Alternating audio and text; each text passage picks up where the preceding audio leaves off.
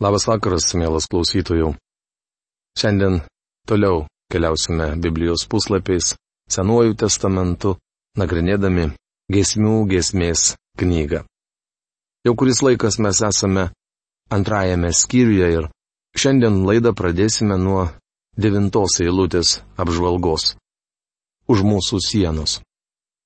Prieš pradėdami, kaip pratę, paprašykime, kad Dievas padėtų mums savo dvasios pagalba suprasti tai, ką jis yra užrašęs šioje rašto dalyje. Dangiškasis, tėve Dieve, mes dėkojame tau už prieimą prie tavęs ir už nuostabę galimybę bendrauti su tavimi, kreiptis į tave neregimai, bet realų į Dievą, kuris atsakai į mūsų prašymus, į mūsų maldas, kuris sukeli mūsų širdise tinkamus troškimus ir įgalinimus laikytis tavo žodžio tiesų. Aš prašau, kad šį vakarą dangaus Dieve tu apsilankytum kiekvienuose namuose ir tavo žodžio dvasia pasiektų kiekvieno alkstančio žmogaus širdį. Prašau, kad tu pamaitintum ir kad tas gyvybės vanduo, kaip jis vadinama šventajame rašte, galėtų pagirdyti mūsų ištroškusias sielas. Dangaus Dieve, aš prašau, kad tu atgaivintum kiekvieną įtikintįjį, padėdamas jam būti arčiau tavęs ir kad tu savo žodžio dvasios galybę prasiskverbtumi tas sielas, kurios šiandien ieško tavęs. Ir tu jas pažįsti. Meldžiu to Jėzaus vardu. Amen.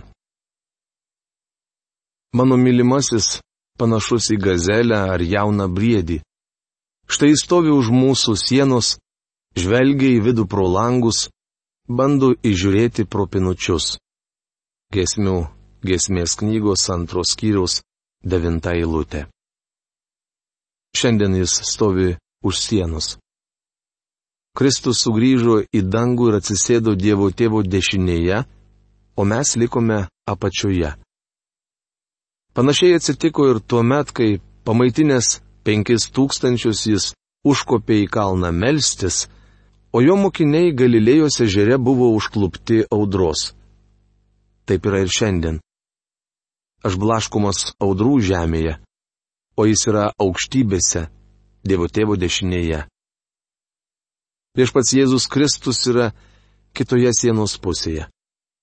Velnes, kūnas ir pasaulis stengiasi sutrukdyti mūsų ateimą pas jį. Tačiau viešpats Jėzus sako mums tą patį, ką sakė Zachiejui. Greit lipk žemyn, man reikia šiandien apsilankyti tavo namuose. Taip užrašyta Luko Evangelijos 19 skyriaus 5 eilutėje. Jis vis dar nori apsilankyti mūsų namuose ir vakarieniauti su mumis, kaip vakarieniavo su senuoju muitininku. Jei pakviesite, Kristus ateis pas jūs. Jonas Krikštytojas apie jį kalbėjo. Tarp jūsų stovi tas, kurio jūs nepažįstate, rašoma Jono Evangelijos pirmos kiriaus 26 eilutėje. Šiandien pasaulis nepažįsta Jėzaus Kristaus. Jį užstoja abejingumo, maištingumo ir nuodėmis siena. Jaunikio sugrįžimo giesmė. Mylimasis mane kalbina, jis tarė man, kelkis mano meilė, mano gražioji, eikš. Juk žiema jau pasibaigė, lietus praėjo ir nuščiuvo. Gėlis pražydo žemėje, atėjo metas vynmedžius genėti ir purplelis jau burkuoja mūsų šalyje. Figmedis nokina žalius vaisius ir vynmedžių žiedai tvinsta maloniais kvapais. Kelkis mano meilė, mano gražioji, eikš. Gesmių gesmės knygos antros skyrius 10-13 eilutės. Kelkis, mano meilė, mano gražioji eikš. Kristus mylėjo bažnyčią ir atidavė už ją save. Jis padarė tai, nes ketina sugrįžti ir pasiimti ją iš šio pasaulio.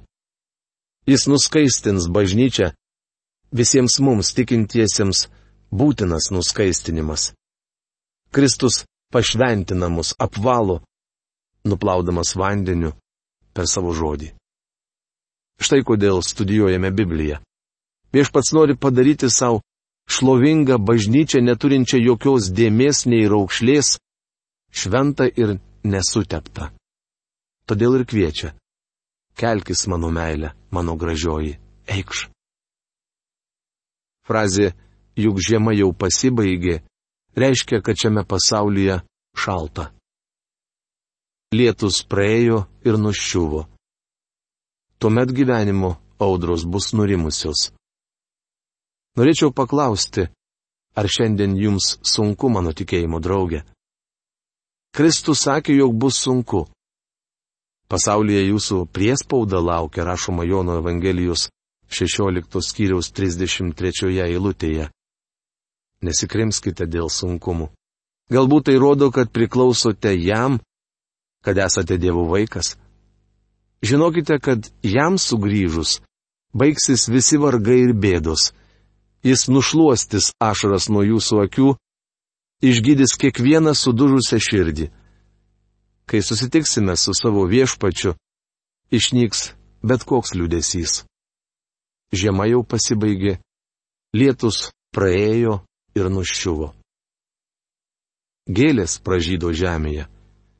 Viešpats Jėzus sugrįš ir pasiims savuosius iš šio pasaulio į gražius namus, kuriuos mums parengė. Manau, naujojoje Jeruzalėje bus daug gėlių. Atėjo metas vynmedžius genėti ir purplelis jau burkoja mūsų šalyje. Frazę atėjo metas vynmedžius genėti, kiti vertėjai verčia atėjo gėdojimo metas. Tai gražus posakis. Mūsų susitikimas su viešpačiu lydės giesmės. Ar kada atkreipėte dėmesį, jog Evangelijų pasakojimas pradedamas giesmėmis. Daktaras Lukas, aprašydamas Jėzaus gimimo priešistorę, pateikia keletą giesmių. Evangelijoje pagal Luką užrašytos Zacharijo, Elsbietos, Marijos, Onos ir Simeono giesmės. Taigi Jėzaus gimimą lydėjo giesmės. Kai bažnyčia pradėjo gėdoti, tikinčiųjų džiaugsmas patraukė romėniškojo pasaulio gyventojų dėmesį. Vieną dieną įsikūrę pas viešpatį, gėdosime jam naują giesmę, giriančią jo nuostabius darbus. Šiandien aš negaliu gėdoti, nes Dievas nesuteikė man muzikinės klausos. Tačiau turėdamas naują kūną, gėdosiu naują giesmę. Iki to laiko galiu girti jį širdyje dangaus paukščių čiulbėjimas ir pražystančios gėlės primena mums, kad turime džiaugsmingai dėkoti savo viešpačiui už jo didį išgelbėjimą. Kingvelmeršas šią mintį išreiškė eilėmis.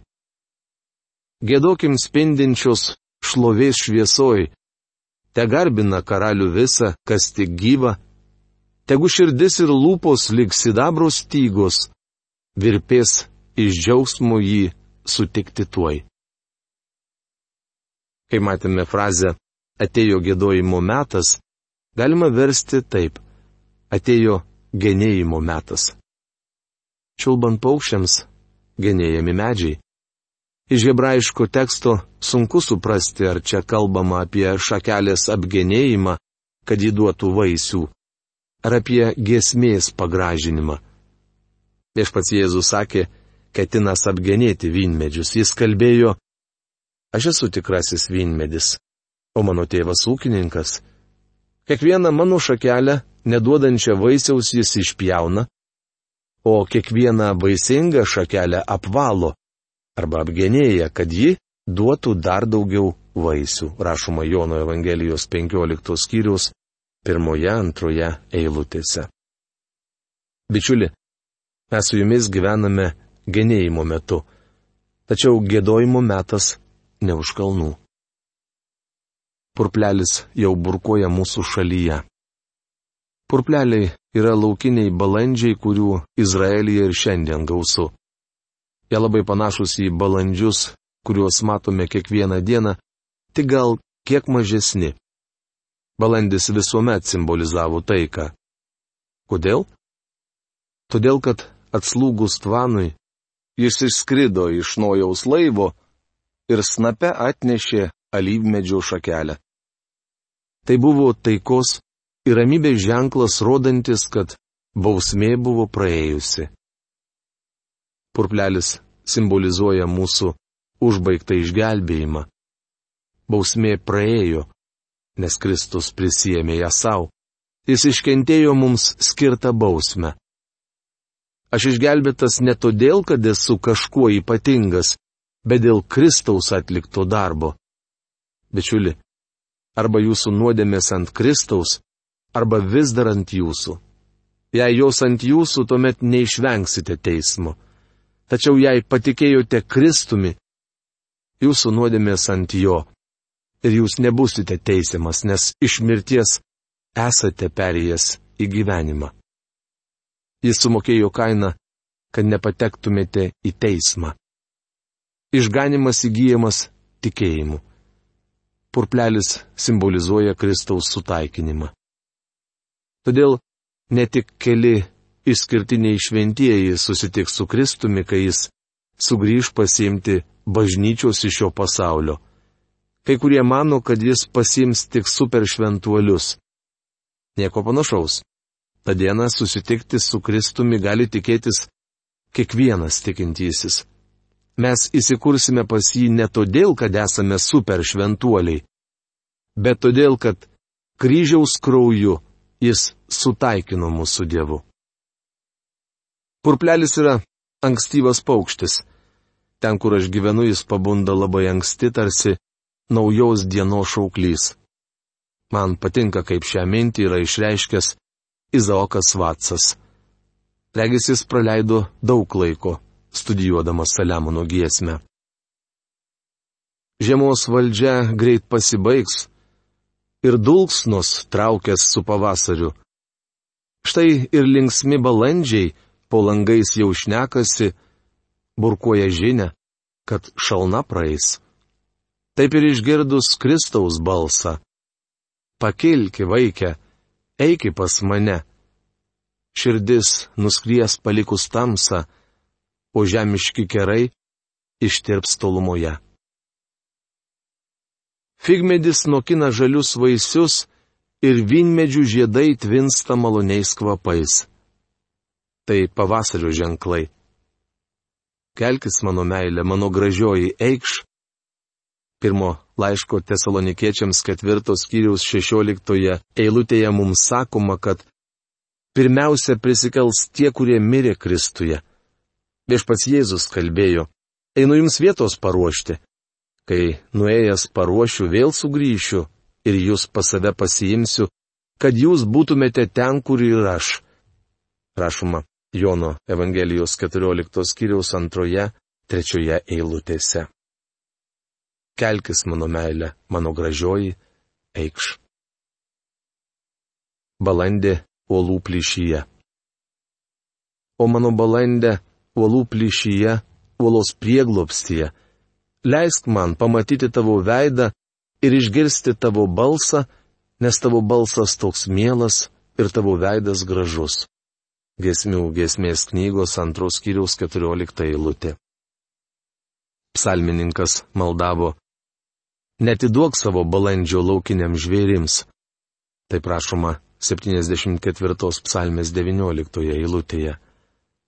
Ar viešpats išvaduos mus? Mums sakoma, kad jis paslėps mus uolos plyšyje, o uola simbolizuoja Kristų. Jis yra uola, ant kurios pastatyta bažnyčia. Kristus prisėmė mūsų bausmę, todėl šiandien mes galime rasti jame atilsi. Dėl to turėtume jaustis ne tik patenkinti, bet ir saugus. Jei šiandien stovite ant uolos, esate saugus, net jei iki galo to ir nesuvokėte. Vienaškotų tautybės ponia niekada nebejodavo savo išgelbėjimu. Kažkas tarė jai, regis jūs jaučiatės visiškai saugiai ant uolos. Jie atsakė taip, kartais aš drebu, tačiau uola, ant kurios stoviu, niekada nedreba. Balandis simbolizuoja ir šventąją dvasę. Prisimenate, ji nusileido ant viešpatės Jėzaus tartum balandis. Ta pati dvasia gyvena kiekviename tikinčiajame. Laiško romiečiams 8 skyriaus 9 eilutėje apaštalas Paulius rašo. Kas neturi Kristaus dvasios, tas nėra jo. Tikri tikintieji savo paprastumu ir švelnumu panašus į balandžius. Viešpats Jėzus ragino mus. Būkite gudrus kaip žalčiai ir neklastingi kaip balandžiai. Tai prašoma Mato Evangelijos 10 skyriaus 16 eilutėje. Regis, balandis yra gana kvailas paukštis. Prieš kelias dienas važiuodamas automobiliu netyčia vieną iš jų partrenkiau. Tas paikas paukštis tupėjo vidury kelio nejudėdamas, o po to buvo vėlų trauktis. Žinoma, man buvo gaila, kad jį partrenkiau. Tačiau aš sakiau, kvailas paukštelį, pats kaltas. Reikėjo skristi šalin. Matote, šiandieninėme pasaulyje mums reikia būti ne tik neklastingiems kaip balandžiams, bet ir gudriems kaip žalčiams. Antraip būsime greitai suvažinėti. Balandis yra baugus paukštis. Vieš pats sako, jie rinksis drebėdami, tarsi paukščiai iš Egipto, tarsi balandžiai iš Asirijos krašto. Aš sugražinsiu juos į namus. Tai viešpatie žodis. Rašoma Ozėjo knygos 11 skyriaus 11 eilutėje. Balandžiui reikalinga slaptavietė uolos plyšyje. Kristus yra uola, kuri buvo sudaužyta dėl mūsų. Kaip kažkas yra pasakęs, aš patekau į Kristaus širdį kartu su jėtis duriu. Ši mintis plėtojama ir nuostabioje Augusto topleidžio giesmėje. Jėzau amžina uola, atsiverk, priglausk mane srovės kraujo ir vandens mano kaltę te apdengs. Jėzau, tavo žaizduose, te pagyja man dvasia. Jei įstatymų remiuos, jis teisumo man neduos, nors ir stengsiuosi širdies, upėm ašaros tekės, nuo kalčių jos nevalys, gelbėt vien tik tu gali. Tuščiomis aš ateinu ir po kryžium suklumpu, nuogas, aklas, be jėgų Jėzau, gelbėk meldžiu, nuodėminga plauk mane, viską valančią srovę. O kai baigsis amžius šis, kai mirtis užmerks akis, amžinybė patekės, prieš teisėją stot reikės. Jėzau, amžina uola, atsiverk, priglausk mane. Laputės. Sugaudykit mūsų lapes, tas laputes kenkiančias vynogynams. Juk mūsų vynogynai žydi. Gesmių gesmės knygos antros kiriaus penkiolikta eilutė. Izraelyje vynogynai būdavo aptveriami tvoromis ar sienomis siekiant apsisaugoti nuo didelių lapių, tačiau mažos laputės vis vienai smūgdavo vidun. Įsmukusios jos nugrauždavo vynogės ir sudraskydavo jaunus vynogynus. Tai pamoka mums. Lapės yra nepastebimos nuodėmės ir klastingi, kitiems kenkiantys žmonės. Jonas Krikštytojas iškėlė abu šiuos dalykus į dienos šviesą. Apie nepastebimas nuodėmės jis kalbėjo. Kas turi dviejus marškinius, te pasidalyja su neturinčiu. Ir kas turi ko valgyti, tegul taip pat daro. Nereikalaukite daugiau negu jums nustatyta. Ne iš vieno nespauskite pinigų, Neįdavinėkite norėdami pasipelnyti, tenkinkite savo algą. Taip užrašyta Luko Evangelijos 3 skyriaus 11 bei 13-14 eilutėse. Vėliau Jonas Krikštytojas priekaištavo Erodui, kurį mūsų viešpats vadino lape. Žiūrėkite Luko Evangelijos 13 skyriaus 32 eilutę. Sakydamas, jog jis neturi teisės vesti kito žmonos. Patikėkite, taip kalbėdamas pamokslininkas netaps populiarus. Senasis erodas nukirzdino Jonui Krikštytojui galvą. Kaip jau minėjau, mažos laputės įsmunka į šio laikines bažnyčias ir pridaro daug bėdos. Nežymios nuodėmės kenkia tikinčiųjų bendrystiai ir greuna krikščionių gyvenimą. Pavyzdžiui, į kai kurias nuodėmės bažnyčiose iš viso nekreipiama dėmesio. Kas moka daryti gerą ir nedaro, tas nusideda, rašoma Jokūbo laiško ketvirtos skyriaus septynioliktoje eilutėje. Tai viena iš mažųjų lapučių. Neretai ši nuodėmė ignoruojama. Dažnai mes turime progą pasitarnauti Dievui, bet to nepadarome. Kiek kartų esame taip nusidėję? Biblijoje pasakyta, kad viešpats Jėzus vaikščiojo darydamas gerą. Aš perskaičiau knygui Žmogus vardu Kristus gyveno darydamas gerą. Tai man nepatiko. Buvau aš įpratęs savo pasaulį gyventi. Kiek kartų mums buvo kilusi mintis parašyti laišką, bet jis taip ir liko neparašytas. Kiek kartų turėjome melstis už kažką, bet nesimeldėme. Prisiminkime pranašo Samuelio žodžius. Gink Dievę nusidėti viešpačių ir liautis melstis už jūs. Tai prašoma Samuelio pirmoje knygoje 12 skyriuje 23 eilutėje. Tai nežymios nuodėmės, į kurias šiandien nebekreipiame dėmesio. Jos kenkia vynoginui kaip mažos laputės. Vieną laputę apaštalas Paulius laiško romiečiams 14 skyriaus 23 eilutėje įvardyja taip. Visa, kas nėra iš tikėjimo, yra nuodėmė. Profesoriaus Algirdo Jurieno vertimas. Dažnai elgiamės savavališkai vadindami tai tikėjimo žingsniu, nors aiškiai žinome, kad iš tikrųjų tai neturi nieko bendro su tikėjimu. Tiesiog mes norime savai pelktis. Tai nuodėmė, kaip maža laputė, įsmunkanti vidun ir greunanti Dievo darbą. Dažnai atsiriamėme į kreivą, palūžusią nendrę ir bandome stovėti tiesiai, dėdamiesi esą labai pamaldus. Sakome, aš darau tai, nes mane veda Dievas, nors žinome, jog taip nėra. Mes negalvojame, ką kalbame. Dar kartą pakartosiu, kad laiške romiečiams apaštalas Paulius rašo, jog visa, ką darome ne iš tikėjimo, yra nuodėmė.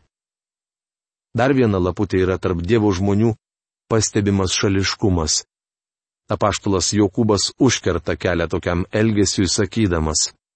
Bet jeigu pataikaujate atskiriems asmenims, darote nuodėmę ir esate įstatymo kaltinami kaip nusižengėliai.